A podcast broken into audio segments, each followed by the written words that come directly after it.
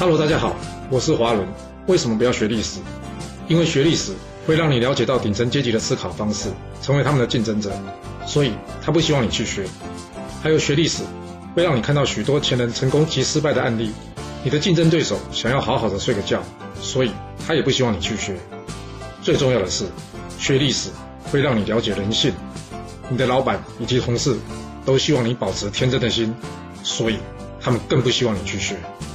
就是因为这些原因，接下来我要跟你说的是故事，而不是历史。今天主题是啊老板不对就得考虑换人。我们刚刚在春秋第九十八节故事中讲到，这孙武拒绝了继续留在吴国享受荣华富贵的机会，而无独有偶，孔子也拒绝了杨过想要招募他的请求。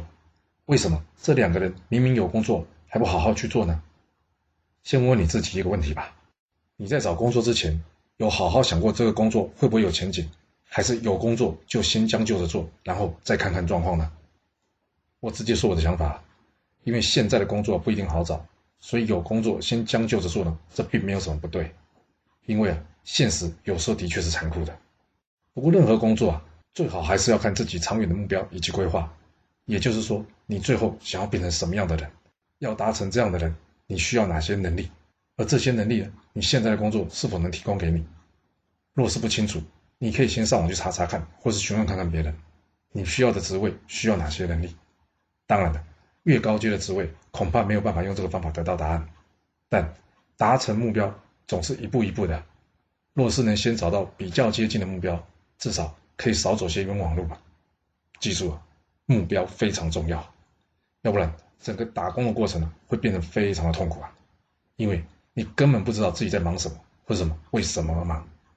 当然，要是你的能力或是运气不错，有工作可以让你选，那这些公司前景的分析就变得非常重要了。很可惜的是啊，我们在学校里面的教育啊，都是要我们把自己的课业学好，但学成之后，到底要如何去判断哪个产业或者哪家公司呢？却没有人教。通常大家的选择方式是什么？就是选大公司啊。因为越大的公司，或是薪水福利越好的公司呢，通常就是比较好的选择。而这样的选择，我估计啊，在一九八零年以前出生的人来说啊，大概率上是不会有错的，因为那时候产业的变迁速度还没这么快。不过，要是出生在一九八零年之后的人呢，由于产业变迁的速度加速了，这标准还能不能适用，那就很难说了。另外，对于已经出社会的人来说啊，产业或是公司的选择。恐怕也不是我们这么容易就能做决定的，毕竟要将自己的所学打掉重练，这个决定非常困难的。理性上去思考吧，要是你的工作每个月比人家少一万，一年就是少十二万，那你要重新去读个大学吗？我们简单计算一下吧，每年的学费、生活费呢，我们大约用二十万去计算吧，加上这不工作薪资的损失呢，每年用三十万去计算，所以呢，这再求学的机会成本呢，就是每年五十万元。四年下来就等于是两百万元，你就算学成再次毕业之后，这一年呢，若是只多上这十二万，那就表示啊，你必须大约再花十七年呢，才追得上现在的状况。当然了，要是一年多过十二万，这追赶时间呢就可以缩短。这个算法并没有考虑在主观上啊，你花时间在学习这种不确定性的痛苦啊，所以这就是为什么很多人无法做出这样决定的。比较可行的方案呢，通常是什么样？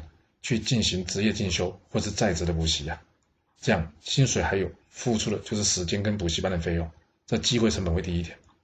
当然了，一边上班一边学习，这过程呢也是非常辛苦的。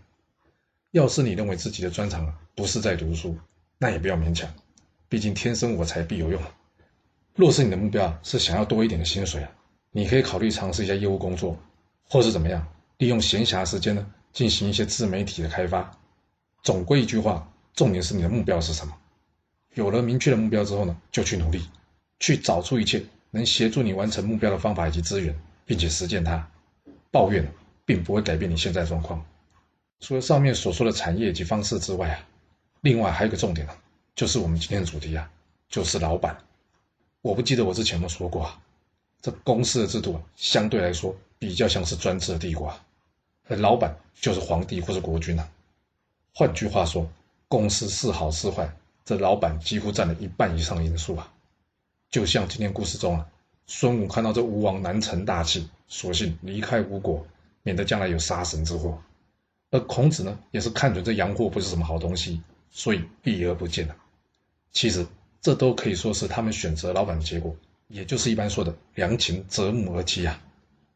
不论你是读理科还是文科，只要不是自行创业，你就会有机会啊，要去评估你公司的老板是不是一个值得你跟随的人啊。或许人会说，我哪有机会见得到大老板？那要怎么办呢？所谓物以类聚，人以群分啊。这公司呢，通常会有公司的文化或风格，虽然偶尔会有例外，但绝大多数的时候，什么样的老板就会找到什么样的主管，而什么样的主管就会找到什么样的下属，这是有迹可循的。所以你在面试的时候，看看你的主管，你就能有一半的机会啊，猜出这公司老板的状况啊。除非你的运气实在是有够好，这主管呢刚好是靠关系进入公司的。那上面这个检验方式，你就先忘了它吧。我自己工作的目的呢，是为了要赚取主动收入。赚到了主动收入之后呢，再想办法把它变成被动收入。为什么我会这样设目标呢？因为我想啊，一旦被动收入逐渐累积起来之后啊，我的选择权就会多一点。面对这职场上光怪陆离的事情呢，也就比较能够平心静气的处理它了。也就是说什么？